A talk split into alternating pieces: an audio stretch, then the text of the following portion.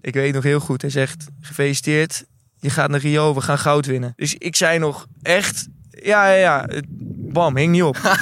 dus ik had zoiets van, what the fuck is hier gebeurd? En ik besef niet helemaal. En ik ren naar beneden. Vijf minuten later belde hij weer. Hij zei, heb je het goed begrepen?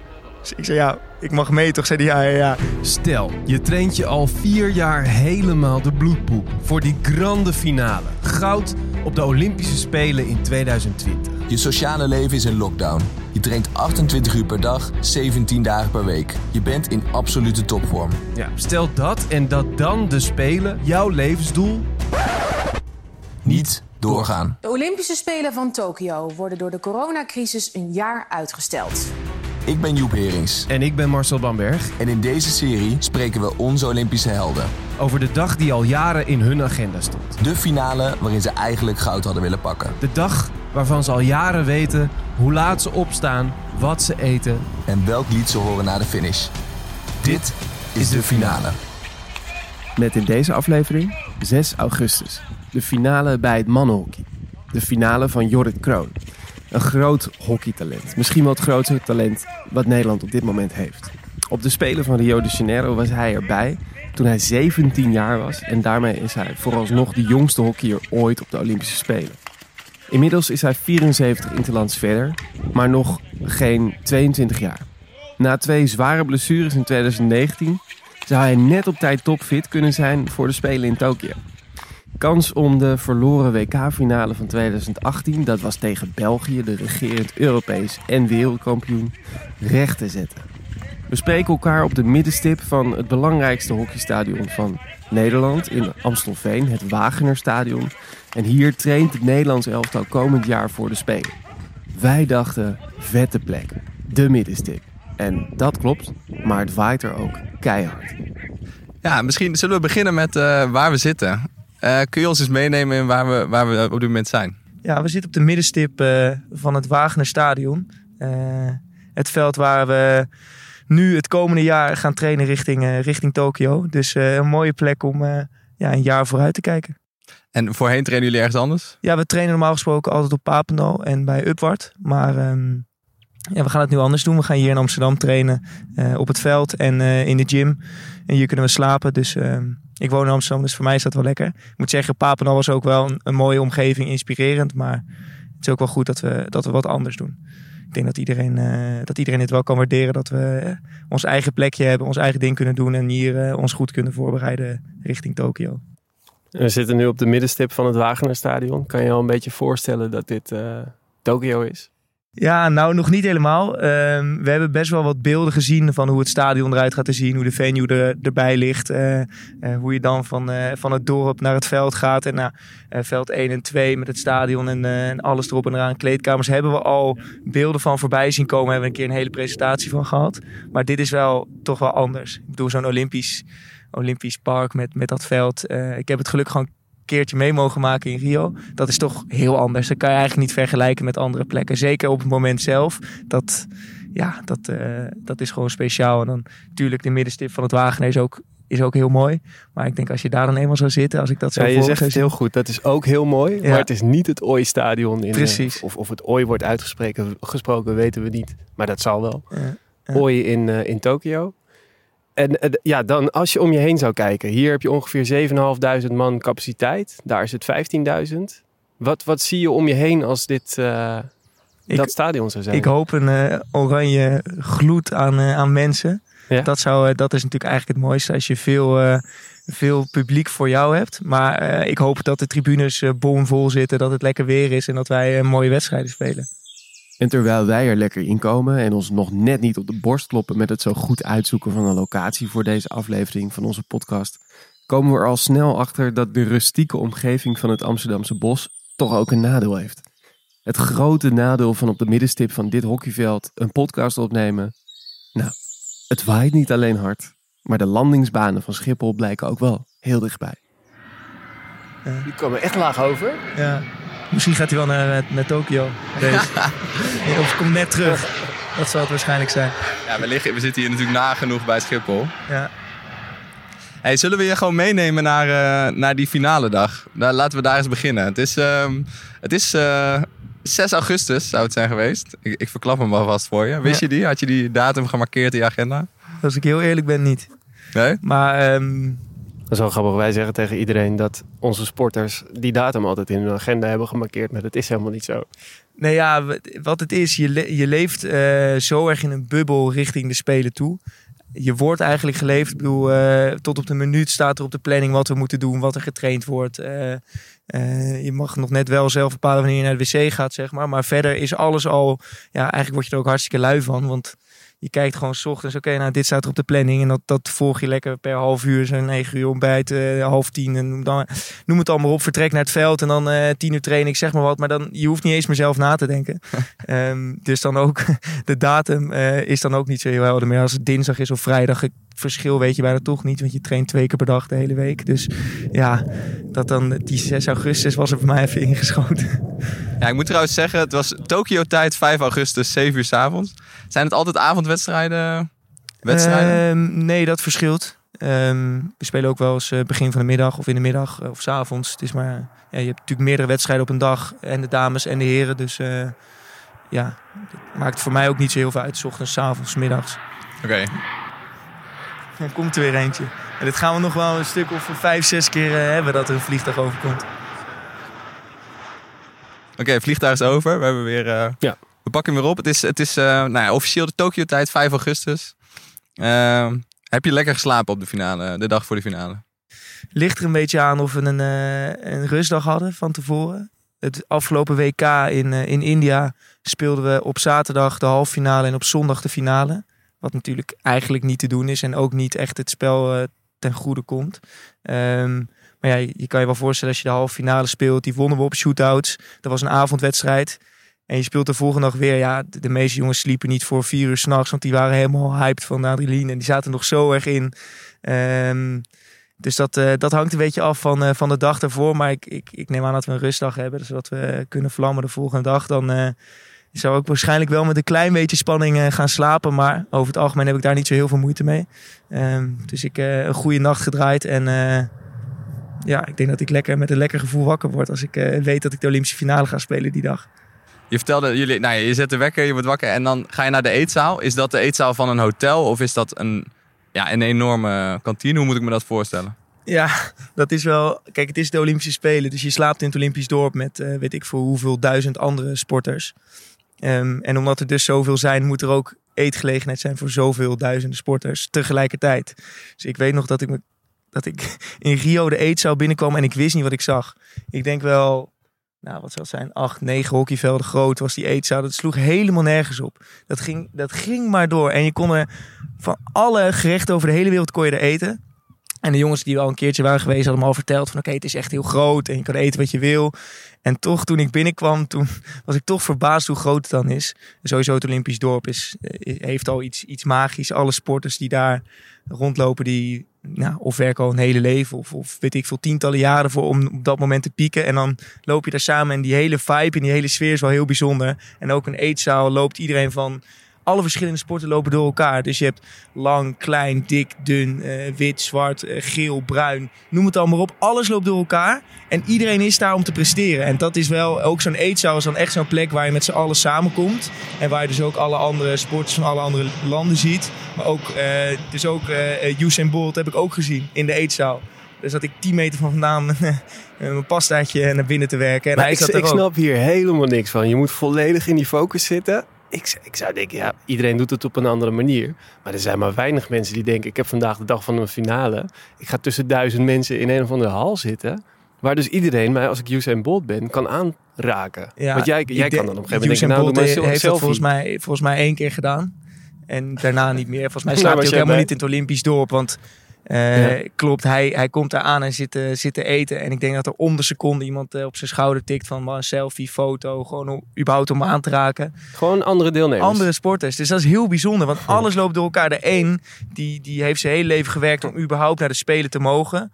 De ander heeft het jaar daarvoor zilver gewonnen. Goud verloren. Is maar net hoe je het bekijkt. En die gaat nu, eh, vier jaar later, heeft hij er alles voor gedaan om nog een keer te gaan. Bekende sporters, onbekende, eh, grote sporten, kleine. Alles zit door elkaar. Dat, dat is, ja, ik kan het bijna niet beschrijven. Dat is iets heel bijzonders. Dus ook Usain Bolt, ja, die zat daar ook op een gegeven moment. Maar eh, ja, dat is, dat is iets, iets heel geks. Dus ook op zo'n finale dag, ja, dan, ook dan moeten we eten. En is niet dat we dan zeggen, nou, dan gaan we naar het koffietentje om de hoek.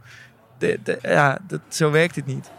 Niet het koffietentje om de hoek, maar in het enorme restaurant van het Olympisch dorp. Op een paar meter afstand van Usain Bolt zo cool mogelijk proberen je yoghurt met muesli en noten naar binnen te werken. En dan kan die dag, die tergend lange dag van aftellen tot de grande finale, beginnen. Hey, je hebt dan nog, het is 's ochtends vroeg. Je, je moet tot 7 uur zouden, is de finale vandaag. Eh, je, moet, je hebt uren te doden. Wat, wat ga je die ochtend doen? Zo'n dag duurt eindeloos. Ja, Ja, dat duurt echt. eh, ik, ik heb meerdere eh, grote wedstrijden en finales al mogen spelen. En als je dat s'avonds speelt, ja, dat, dat, duurt echt alsof het echt jaren duurt voordat die wedstrijd gaat beginnen. En het is ook eh, heel raar, want je weet dat je die, die dag moet je allerbest zijn. Dan ga je presteren. En dan diezelfde ochtend zit je nog te lachen met elkaar en ben je ontspannen en of pro- probeer te zijn. Ehm, ja, en daar kan je ook nog niet zo heel veel eraan doen. Ik bedoel, dat, je moet gewoon wachten. En, en natuurlijk, een minuut duurt dan even lang als altijd. Alleen, ja, je zit dan al helemaal met je hoofd natuurlijk bij die wedstrijd. Ehm, dus eh, je probeert elkaar een beetje bezig te houden. Eh, wat ik zei, eh, iedereen vindt wat anders prettig. De een die wil nog een kaartspelletje spelen. De ander die leest een boekje, maakt een puzzel, zit op zijn telefoon, belt met zijn vrouw of zijn vriendin. Of die kijkt op televisie naar andere sporten. Ehm, en dan hoe dichter je bij de wedstrijd komt, hoe meer je bij elkaar komt, hoe eh, strakker het allemaal wordt, hoe eh, meer de focus erop komt. En dan, eh, ja, dan, dan is het niet meer van alles mag en alles kan en het is allemaal ontspannen. Maar dan gaat echt, wordt het strak getrokken en dan ben je bij elkaar, dan bereid je je voor en dan ga je met de bus richting het veld. Ja, het is gek als ik zo praat. Ik, zo, ik zie het al helemaal voor hoe we gaan. Maar ehm, Ja, is dat zo? Heb je het wel eens voor je gezien dat je al een beetje nadacht hoe die dag eruit moest gaan zien? Nou, zo hardop te over praten met, eh, met iemand niet. Eh, maar wat ik zei, heb natuurlijk wel al vaker eh, grote wedstrijden gespeeld. Ja. En ehm, ja, dat ziet er gewoon hetzelfde uit. Ja, we doen eigenlijk altijd hetzelfde. Ik bedoel, je wil altijd winnen en altijd presteren. Dus natuurlijk zal er extra spanning bij komen en extra, extra focus. Maar ehm, nee, uiteindelijk denk ik dat ik meer het, het spelletje zelf, de wedstrijd zelf visualiseer dan, dan de weg daar naartoe. Eh, Of ik wel, of ik eh, mijn linker schoen eerst strik en mijn rechter daarna, dat, dat maakt me niet zo heel veel uit. Maar het is echt het moment dat het balletje gaat rollen en eh, ja, totdat je die medaille om je nek hebt. Dat is waar je over nadenkt en niet zo heel, eh, ja, niet wat ik ontbijt eigenlijk. Dus eh, wel leuk om een keertje over na te denken. Hey, op zo'n dag van de finale, dan zijn eh, de grootste fans van, eh, van jullie zijn er natuurlijk vanaf het moment dat de wekker gaat mee bezig. Die, die staan de hele dag eh, voor de televisie te kijken of er al iets bekend is over de opstelling en eh, of er geen last minute blessures zijn. Hoe zit het bij jullie? Als je de wekker hoort gaan, weet je dan gelijk, ja, dit is de finale dag. Vandaag staan we aan. Er gaat Ja. niks tussen komen. Nee, klopt. Alles volgens plan. Ik moet zeggen, ik denk dat eh, als je over de grootste fans, dan zou je het hebben over vrienden, familie, mensen die dichtbij staan. Ik denk dat die vaak nog meer gespannen zijn eh, dan mijzelf. Of in ieder geval, als ik bijvoorbeeld naar mijn ouders kijk, die kunnen het bijna niet, eens aan om, om de wedstrijd te kijken. Laat staan als het echt spannend wordt of als, of als ik aan de bal ben. Dus eh, die, die hebben denk ik meer spanning dan, dan ik. Ehm, en je weet inderdaad, zodra die wekker gaat, je wordt wakker, dan, dan ja, ik lig dus altijd met Cherry op de kamer, dan kijken elkaar aan en dan, ja, dat, is, dat, is het dan. dan. Je weet het gewoon. Je hoeft eigenlijk niet eens wat te zeggen. Je wordt wakker en ja, dan ga je. Je wordt wakker en daar ga je. Het klinkt alsof de normaalste zaak van de wereld is voor Jorrit. En misschien is dat het ook wel. Hij was de jongste debutant op de Olympische Spelen en wordt gezien als een van de grootste beloften van zijn generatie. En dat verhaal begint al vroeg, op een jaar of vier, met een balletje en een stick in de achtertuin van zijn ouders. Wil je ons meenemen naar het begin van jouw eh hockeycarrière? Waar, waar sloeg je je eerste balletje? Eh, mijn eerste balletje sloeg ik op eh, hockeyclub Alecto. Of, nou, eigenlijk denk ik in de achtertuin bij mijn ouders. Maar ehm, echt op de club ehm, op Alecto, daar ben ik begonnen. Ik ging altijd al mee met mijn, eh, met mijn ouders naar daarna mijn tweede club HGC. Daar speelden mijn ouders altijd. En ehm daar ging ik al mee als klein mannetje kijken bij mijn eh, vader en moeder. Ehm, dus daar eh, had ik al een stikje in mijn handen. Maar dat, ja, dat mocht geen naam hebben. Dat was gewoon een beetje spelen daar op de club. En ehm, toen ik vijf, vijf en half, zes was, denk ik. Begonnen bij Alecto, bij mijn, bij mijn eerste clubje. En daar heb ik tot mijn vijftiende gespeeld, tien jaar. En toen ben ik naar AGC gegaan. En toen in één keer ging het heel hard. Ja, weet je wat het is? Als je zo jong bent en eh, ik vond het spelletje al heel leuk. En als je, dan merk je op een gegeven moment dat je er goed in bent. En dan vind je het eigenlijk nog leuker, omdat je net iets beter bent dan de rest. Ehm, en dan ga je er nog meer tijd in steken. En dan merk je, hey, als ik er tijd in steek, word ik er nog beter in. En eh, dat had ik, eh, ja, op een gegeven moment dat je dat door, als je 10, 11, 12 bent, weet je wel. Dan krijg je wel door dat je er net wat beter in bent dan je, dan je vriendjes en je teamgenoten. Ehm, dus vanaf dat moment dan, dan zeg je van nou, ik wil in uh, Heren 1 spelen bij Alecto. En dan uh, drie jaar later, dan, dan is dat. En dan zeg je oké, ik wil ooit hoofdklasse spelen. En ondertussen speelde ik ook in nationale jeugdselecties, onder 16, onder 18. En dan, ehm, nou zo steeds wordt, wordt die droom zeg maar iets, iets groters. Dus van Alecto Heren 1 naar, naar hoofdklasse en Nederlands zelf naar Olympische Spelen. Olympisch goud, zo een beetje opgebouwd. En nou ja, nadat ik bij Alecto had gespeeld, ging ik dus naar AGC mijn vijftiende. Toen werd ik 16, toen speelde ik mijn eerste wedstrijd. En toen heb ik vier seizoenen bij AGC gespeeld. En dus gelijk in mijn twee seizoen uh, werd ik uh, door Max Caldas gevraagd om uh, mee te trainen bij Nederlands elftal. Dus toen in één keer inderdaad van Alecto naar AGC en toen ging het heel hard. binnen anderhalf jaar Nederlands elftal mijn debuut gemaakt op mijn zeventiende. ik zat er nog geen, geen half jaar bij, bij de selectie of ik mocht mee naar de Olympische Spelen. Ik had nog geen toernooi of iets gespeeld. Je kent Max Caldas inmiddels goed, de bondscoach. Ja. Um, heb je hem wel eens gevraagd waarom heb je me toen meegenomen? zo jong nou ja, toen was het van uh, wat Max altijd mooi zei: van goed is goed. En of je dan 17, 32 of uh, 44 bent. Dat maakt geen reet uit. Als je goed genoeg bent en uh, wat toevoegt in Nederland dan, dan speel je. Ik denk dat goed is goed en niet goed is niet goed. en Joris is wel een goede speler ja, ik had het zelf overigens helemaal niet verwacht. Hè. Ik bedoel, uh, wat ik zei, ik zat er een half jaar bij. Ik was zo blij dat ik uh, mijn debuut mocht maken. Ja, ik heb de interviews van toen teruggekeken. Volgens ja. mij moesten jullie vakanties om gaan boeken om... Uh... Ja, mijn ouders die zouden gewoon naar Spanje gaan. Die hebben dat allemaal afgezegd. En uiteindelijk konden ze wat regelen en konden ze nog naar Rio komen. Maar um, ook tot mijn debuut trouwens heeft, denk ik, mijn ouders hebben geen wedstrijd gemist. Toen in één keer hals over kop ging ik naar Argentinië mee. Een half jaar voor de Spelen ter voorbereiding. En toen speelde ik mijn eerste wedstrijd. En daar waren ze dan precies niet bij. Maar ja, dat snap ik ook wel. Dat is een andere kant van de wereld. En uh, gelukkig waren ze op de Olympische Spelen er wel. Ja, dus dat is, dat is best gek. Ja, gaat heel snel. Hoe ging zo'n uitverkiezing? Hoe hoorde je dan voor het eerst dat je, dat je bij de selectie voor de Spelen zat destijds? Ik bedoel, je was, was je toen al 17 of moest je nog 17 worden? Nee, toen was ik 17. Ik, ja, ik had net, net mijn HAVO-diploma gehaald. Dus een beetje, ik had een beetje zo'n uh, hetzelfde gevoel. Ik, ja, je kan er niks meer aan doen. Ik bedoel, uh, je wordt gebeld en het is ja of nee.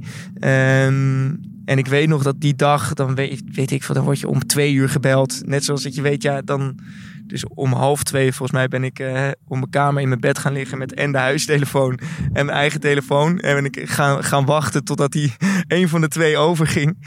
En dat duurde maar, dat duurde maar. En dat duurde echt eindeloos. En toen, uh, nou ja, om uh, weet ik veel, twee over twee, ik weet niet eens meer precies hoe laat het was, belde Max. En dacht van ja, oké, okay, nou, opnemen, weet je, helemaal trillen. Ik, hij neemt op en hij zegt, ik weet nog heel goed, hij zegt, gefeliciteerd, je gaat naar Rio, we gaan goud winnen. Ik denk dat het 12 seconden duurde. Dus ik zei nog echt, ja, ja, ja. Bam, hing niet op. dus ik had zoiets van, wat de fuck is hier gebeurd? En ik besef niet helemaal. En ik ren naar beneden. En ik begin te huilen, te schreeuwen. En mijn ouders die snappen het ook niet. Maar die beginnen ook helemaal te juichen. En, en toen zei ik, ik ga mee. En uh, vijf minuten later belde hij weer. Hij zei, heb je het goed begrepen? Dus ik zei, ja, ik mag mee. Toch zei hij, ja, ja, ja. Nou, en toen uh, vanaf dat moment... Uh, um, ja, dat was uh, één groot feest. Ik nog nooit zoiets qua emoties, nog nooit zoiets meegemaakt. Ja. Een goed verhaal dit. Ja, dat was heel bijzonder. Maar je dacht niet, Max houdt van prank calls. Dat hij vijf minuten later weer terug opbelt. Ik keek nog om me heen of ik niet, uh, hoe heet die, Frans Bauer binnengekomen met bananensplit. Maar uh, nee, het was, uh, het, was, het was echt waar. Dat is wel, ja, dat staat me nog zo goed bij. Lag ik daar in mijn bed met twee telefoons een uur te wachten tot ik gebeld zou worden. En dat duurde uiteindelijk echt, ja, serieus, duurde twaalf seconden denk ik ja, toen moest het eigenlijk nog beginnen. Ik bedoel, uh, dan, de selectie werd bekendgemaakt. Wat is het, anderhalve maand of zo voor de Spelen, denk ik. Nou, dan speel je nog, uh, weet ik veel, voor wedstrijden. Ben je nog in training. Je zit er eigenlijk nog middenin. Terwijl dat moment was voor mij al zoiets moois. dat, en toen moest het nog beginnen. Dus dat was ook wel heel bijzonder. Ik was al eh, echt in de zevende hemel voordat ik überhaupt eh, in het vliegtuig naar, eh, naar Rio zat. Welke leeftijd bedacht je die spelen, dat worden hem? Ik had niet, zelf niet ingezet op eh, Rio 2016. Eh, ik bedoel, ik was 17. Ik werd 18 tijdens de Spelen. Dat was ook heel bijzonder.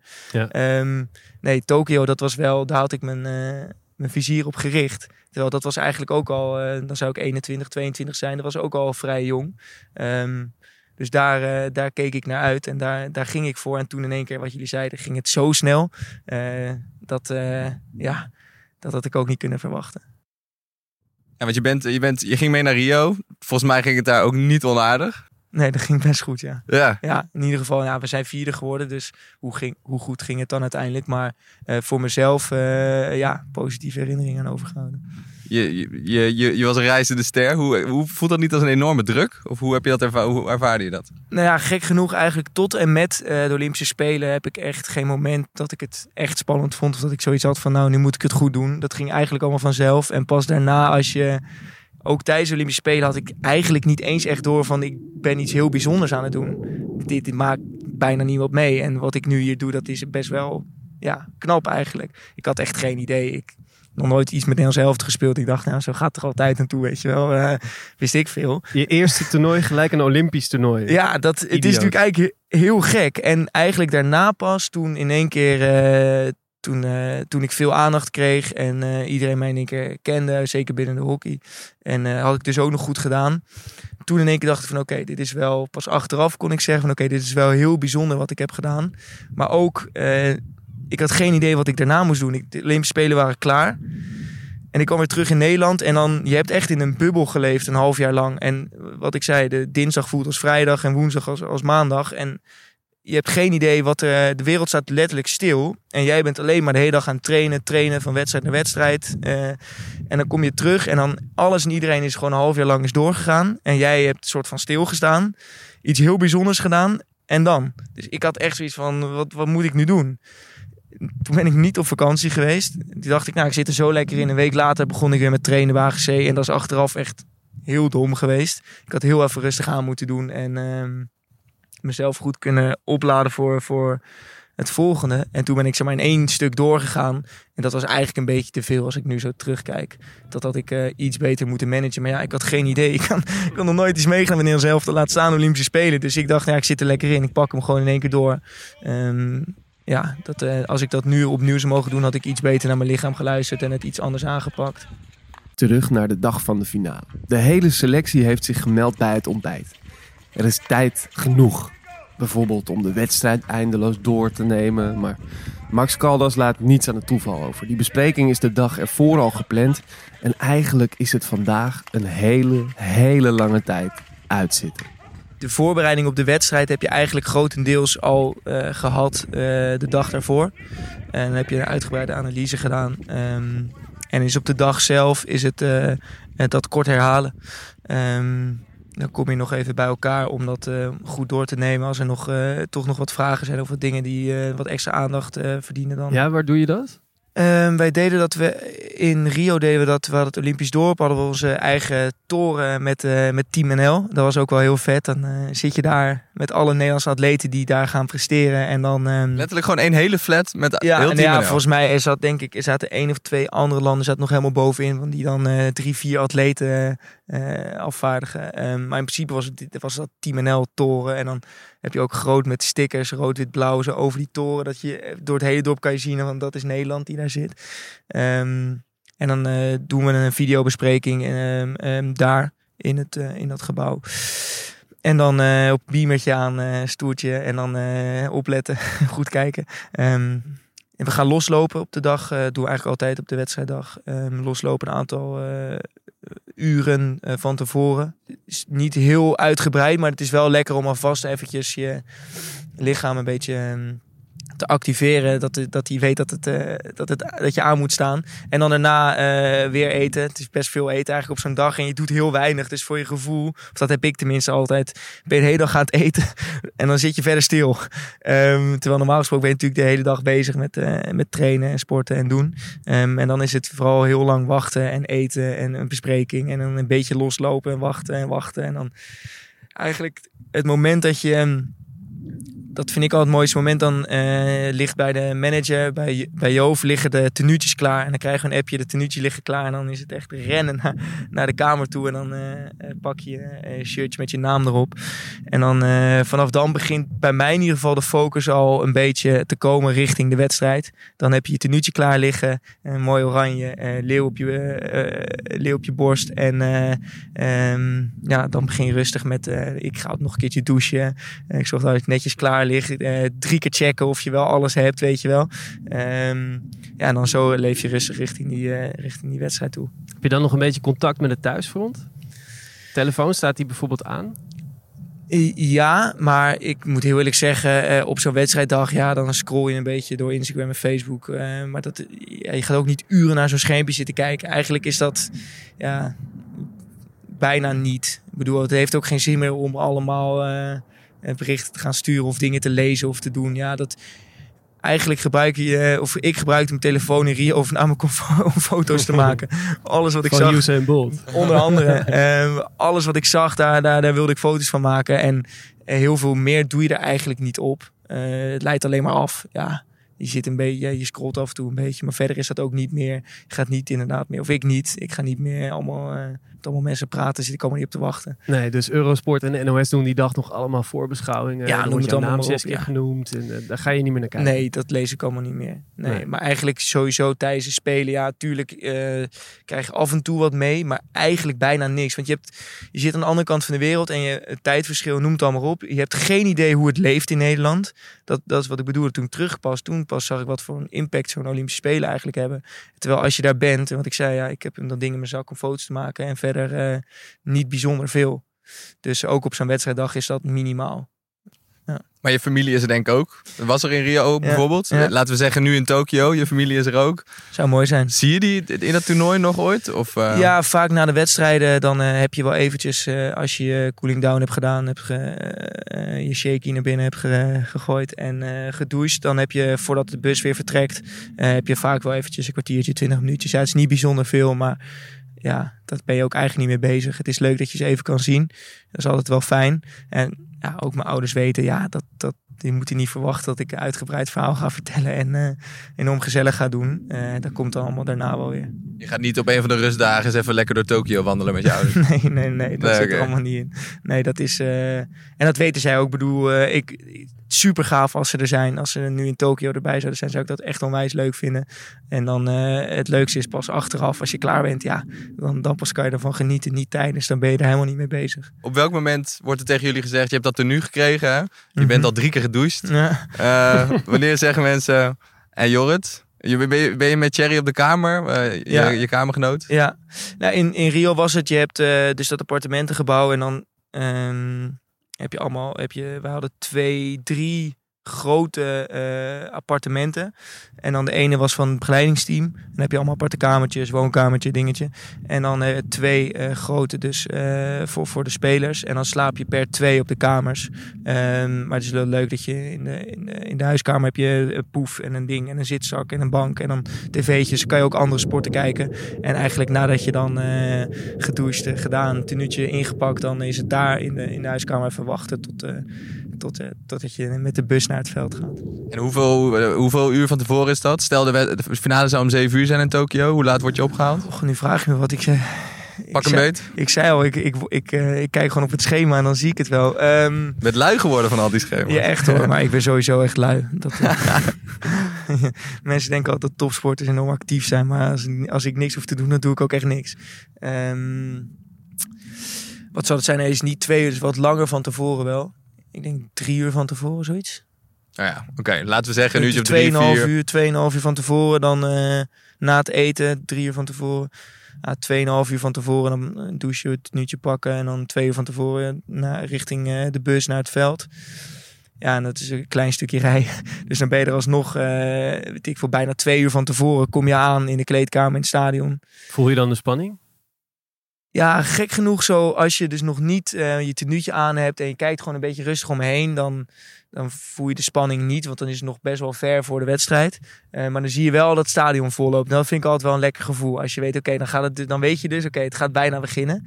Ehm, en zodra je dan met de warming-up gaat beginnen, dan, eh, ik in ieder geval, kom dan in een focus dan of er dan eh 2000 mensen of 10 of 15. Dat verschil is voor mij niet super groot. Ja, tuurlijk, je merkt het wel. En het kan je ook enorme, eh, het kan ook een enorme stimulans zijn als er veel Nederlands publiek is en je wordt aangemoedigd. Maar bijvoorbeeld eh, de kwartfinale in het, eh, tijdens het WK in India zaten er 20.000 eh, gekke Indiërs op de tribune. En die maken een oorverdovend lawaai. Eh, ook toen India scoorde, toen dacht ik, het, ik, wist niet wat het meemaakt. Volkslied hetzelfde, dat nog nooit zoiets meegemaakt. Toen wij scoorden was het muisstil. Toen dacht ik, telt die wel? ik wist niet wat er gebeurde. En we scoorden en we waren aan het juichen, maar nul geluid. Dus dat was heel raar. Ehm, dus je merkt het wel, het publiek. Maar ehm, nee, het is niet uiteindelijk dat dat heel veel invloed heeft. Bij mij niet in ieder geval. Wat is jouw ideale, ideale warming-up? Ik vind het lekkerst eh, om even een balletje heen en weer te halen. Een keertje hoog houden. Eigenlijk dingen waar je niks aan hebt. Trucjes, dingen. Dan, eh, dan eh, kom je daarna, moet je natuurlijk al nog naar binnen. En dan ga je de catacombe in. En dan op lijnen om eh, het veld op te gaan. En dat zit al best lang tussen. En dat vind ik altijd wel lekker. Dat je dan na zo'n warming-up, waar je even eh, je hartslag omhoog gaat, eh, je focus. En dan heel even soort van ontspannen, als je dat zo mag noemen. In ieder geval rustig even naar binnen gaat. Neem je nog een slokje water. Weet je wel, dan zodra je dan in, in de rij gaat staan, en geef elkaar allemaal nog een high five. En dan roept, roept een paar mensen nog wat heel hard. En dan ga je het veld op. En vanaf dat moment dan is het gewoon full focus. Ja, we staan in het, het, het.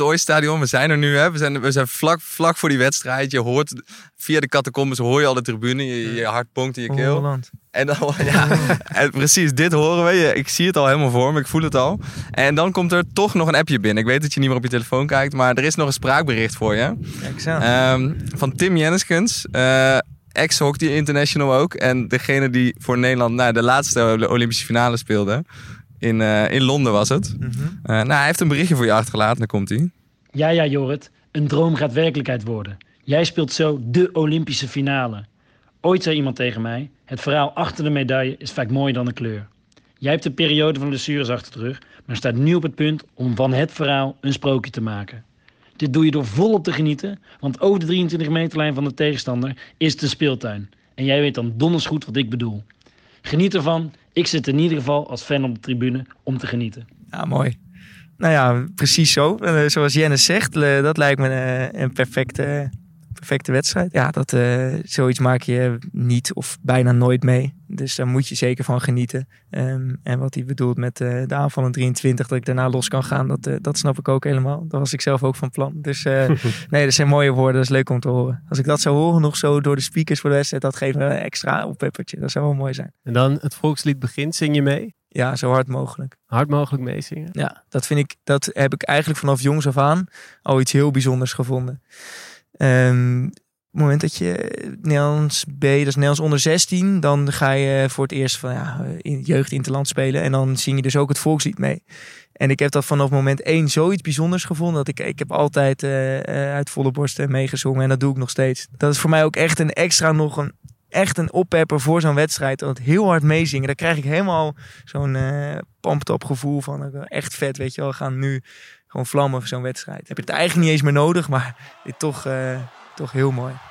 Het grote moment is daar. Na jaren trainen staat het Nederlands elftal in de finale van de Olympische Spelen in Tokio. De mannen van Caldas hebben dagen de tijd gehad om zich een ideale finale te verbeelden. Het moet hier en nu echt gaan gebeuren. Heb je dan een ideaal scoreverloop of een ideale opstelling? Waar wil jij, welke rol wil je spelen? Ja, tuurlijk heb je een ideaal scoreverloop. Dat is 1-0, 2-0, 3-0, 4-0 voorkomen. En dan met die gouden medaille om je nek. eh. Nee, ja, ehm, weet je wat het mooie is? Je, je maakt honderdduizend plannen. En eh, je hebt alles al eh 200.000 keer doorgenomen. En je hebt weet ik voor hoeveel uren erin gestoken. En dan gaat de bal rollen. En dan loopt alles anders dan je had verwacht. Dus ehm, dat is altijd zo. Ehm, dus dan kan je er beter alvast rekening mee houden. En ook tijdens zo'n finale. Natuurlijk wil je 1-0 voorkomen en 2-0 voorkomen. En dan uiteindelijk die wedstrijd winnen. Ehm, maar ja, misschien loopt het wel zo, misschien niet. Dat weet je niet. Dat is natuurlijk ook wel het mooie van, eh, van het spelletje. En ideaal, ja, dat maakt me echt niet uit. Ja, als zolang we maar winnen. Dat is heel cliché, maar joh, al, eh, al speel ik één minuut. Ja, dat als je die wint, dat, dat vergeet je nooit meer. Dus we gaan er even vanuit, hè. het is België. De Olympische Ja. finale tegen België, regerend Europees en wereldkampioen. Jullie verloren de WK-finale van België in 2018. Jullie hebben ook de, de openingswedstrijd is ook tegen België op de Spelen. Dus dat, je hebt al tegen elkaar gespeeld. Dus jij staat er messcherp voor, dat eerste fluitje jou gaat. Neem ons mee met die, in die wedstrijd. Hoe gaat het volgens jou? We hebben natuurlijk, wat je zei, twee finales tegen ze gespeeld. De, de EK-finale was eh, uiteindelijk een enorm open wedstrijd waar we 1-0, 2-0 achter kwamen en uiteindelijk 4-2 wonnen. Dat was een hele bijzondere wedstrijd met veel doelpunten en ehm, met uiteindelijk eh, eh, een- winst. Ehm, en, en het WK daarna was 0-0. Eh, heel afwachtend, heel passief, weinig kansen. Er gebeurde eigenlijk weinig. Dus ik denk ehm, dat het, eh, het mooiste is als dat een beetje een mix gaat worden van, eh, van die twee. Dus wel een hele, een hele goede wedstrijd, maar niet te open, ook niet te gesloten. Dat het ja, gewaagd aan elkaar en dat wij uiteindelijk aan het langste eind trekken. Ja, laat ik het zo zeggen. Het mooiste is misschien wel echt de promotie voor de sport. Dat iedereen kan zien hoe gaaf het spelletje is. Ik zou, dat zou ik het mooist vinden als het zo'n gave wedstrijd is. Waar wij natuurlijk uiteindelijk winnen. Dat mag, ma- mag duidelijk zijn. Maar dat dat echt eh, dat dat gewoon een zo'n bijzondere wedstrijd is. Dat, dat, eh, dat iedereen eh, die wedstrijd nooit meer vergeet. Los van of je nou hockeyt of niet. Of dat je nog nooit het spelletje hebt gezien of gespeeld. Maar dat iedereen in Nederland naar die wedstrijd kijkt. En denkt, jezus, dit is gaaf. Dat Usain ja. Bolt naar die wedstrijd kijkt en zegt... Ik zat voor Ja. die gast in de kantine. En dan zo Ja. lightning bolt. Als jij, ja, En de finale is geweest. Jullie hebben, nou, hoeveel nul gewonnen? 4-0. Hoe gaat het dan? 4-0, schitterende wedstrijd. Je hebt, een, je hebt een grandioze finale gespeeld. Ja, dat is natuurlijk een onbeschrijfelijk gevoel. Maar ik, ik wil dat ook nog niet te veel mezelf oproepen. ik bedoel, we zijn er nog zo ver van vandaan. Ja. Ehm, maar ik kan me voorstellen dat dan eh, alles waar je zo lang voor hebt getraind. Ook wat Jennis zei met, met blessures en dingen. Alles wat je meemaakt in de vier jaar en nu vijf jaar daarvoor. Dat zal er dan wel uitkomen. Of dat, dat verwacht ik. Of ja, misschien voel je wel helemaal niks. Of ik weet het niet. Eh, huilen, lachen. Het zal allemaal door elkaar gaan. Ik denk... eh, ik wil het, het lijkt me het leukste dat, ik, dat het me overkomt en dat ik dan, eh, dan zie ik wat gebeurt. Ik bedoel, als je Olympisch goud dan maakt me daarna ook niet uit wat er gebeurt. Gaat het keihard regenen of moeten we direct het veld of zie ik helemaal niemand. Dat, als je hem hebt gewonnen, heb je hem gewonnen. En dan, Ja, dan is het natuurlijk zo dat hij de NOS staat en de Eurosport en ik En weet jullie? niet allemaal. Wij natuurlijk als Hopelijk wij ook. verslaggevers mee- zijn meegegaan. Ben je al een beetje voorbereid op hoe je dan reageert op die, op die, op die media? Of? nee. Maar ik denk dat je niet heel veel fout kan doen als je net Olympisch goud hebt gewonnen. Laten we het Eh, oefenen. Laten we oefenen. Ja? nou, Jorrit, eh, gefeliciteerd. Jullie jullie hebben een briljante wedstrijd gespeeld. Eh, hoe voel je je? Ben je zo gematigd enthousiast als we goud winnen?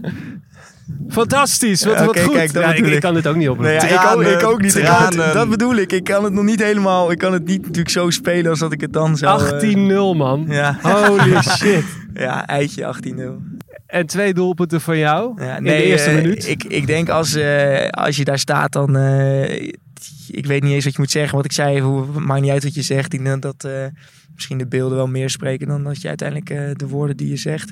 Maar ja, daar zal, eh, zullen alleen maar leuke dingen uitkomen. ik, eh, ik weet niet of ik eh, moet huilen, moet lachen, schreeuwen of niet uit mijn woorden kom of wel. Maar ja, dat wat ik zei. Ik, ik hoop dat ik het mag meemaken en dan zie ik het wel. Oké, dus nou ja, laten we ervan uitgaan na een totaal onduidelijk, onsamenhangend interview eh, met ons, NOS, Eurosport. Hè, alles is voorbij geweest. Champagne. Iedereen denkt, ja, Jorrit is helemaal de weg kwijt. Maar goed, wat, hoe, hoe, ziet de, hoe ziet de avond eruit? Het is dan nou best wel laat, denk ik. Want de, de wedstrijd is dus, wordt s'avonds gespeeld tegen Nou, de tijd dat je klaar bent. of zo is het dan? Ja, Ja, dan eh, heel lekker eten. Dat, dat is altijd, op een of andere manier is dat na zo'n laatste dag, eh, maakt niet uit wat voor een toernooi je speelt, dan, omdat je daar zo erg naartoe hebt geleefd, dan wil je even alles loslaten. Dus dan, eh, volgens mij is er geen He- Heinekenhuis meer in Tokio nu. Ja, Holland House. Ja, Maar het mag geen Heineken House Oh, oké, sorry, dat heb ik niet gezegd. Dacht ik, ja, ik weet nou niet. ja, in ieder geval, ehm, als je goud wint, ga je daar natuurlijk naartoe. En dan, ja, dat, daar, daar, dat lijkt me ook wel een heel mooi moment. Ik heb het gezien als je daar staat zonder medaille. Dat is vrij zuur. dan, eh, en als je daar met een medaille staat, dan ben je, eh, ben je zo'n koning. Dat is, dat, dat is, daar ga je dan uiteindelijk zo snel mogelijk naartoe. Want daar zijn alleen maar Nederlanders. En eh, daar, ehm, daar is het feest het grootst. Dus ehm, zo snel mogelijk daar naartoe. Ja. ja. en dat feest duurt tot diep in de ochtend? Of is het op een gegeven moment iemand die nooit meer op. Nee, precies. Totdat het vliegtuig naar huis gaat. Ja. En daarmee zit de finale dag van Jorrit en dus deze aflevering van onze podcast er bijna op. Maar we hebben nog één vraag. Zoals altijd willen wij weten welke muziek belangrijk is voor onze gast. Welk nummer zet je nou aan in de voorbereiding of tijdens overwinningen? Of vlak na de finish in het Holland House? En Joep en ik hebben besloten dat aan onze gast te fluiten. En zo fluiten we onze gast uit met zijn eigen overwinningslied. Nu zo 1, 2, 3, een speciaal nummer, dat, dat heb ik niet echt. Misschien komt dat nog zo meteen richting, eh, richting de spelen. Dat er één nummer is die me ergens aan doet eh, herinneren. Maar ehm, nee, voor mij, eh, voor mij geen speciaal verzoek. Misschien het Wilhelmus. Ik zou misschien wel het, wel het Wilhelmus aanzetten trouwens. Oh, oké. En dan met z'n allen zo hard mogelijk meezingen. Ja, en nogmaals, ik vind dat zo bijzonder altijd. Dus, Oké. eh, We, ja, dus in- een van de rubrieken, afsluitende rubrieken in onze podcast is eh, dat we onze nou, gast uitfluiten. Dus we, we fluiten je in met je favoriete nummer uit. Dus dat gaan we nu eh, doen. Je mag meefluiten. Eh, we gaan dus het Wilhelmus fluiten. Waar pakken we dat op dan? Ja, bij oh ja, begin denk ik toch? Ja. ik ben heel benieuwd jongens. Ik ga er even goed voor zitten. Oké. Ja, je mag gewoon meedoen. Dit Ja, is, eh, ik weet niet. Ik denk dat ik jullie even lekker laat fluiten. Oké.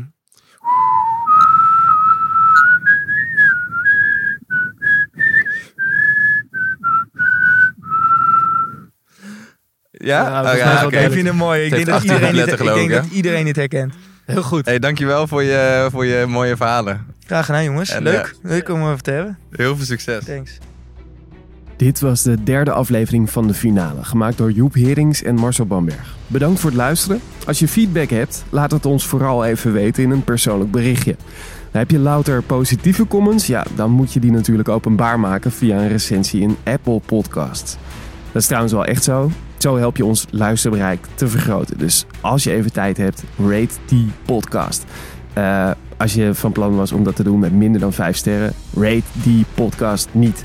Nou, we zullen je er eeuwig dankbaar voor zijn en tot de volgende aflevering, tot de volgende finale.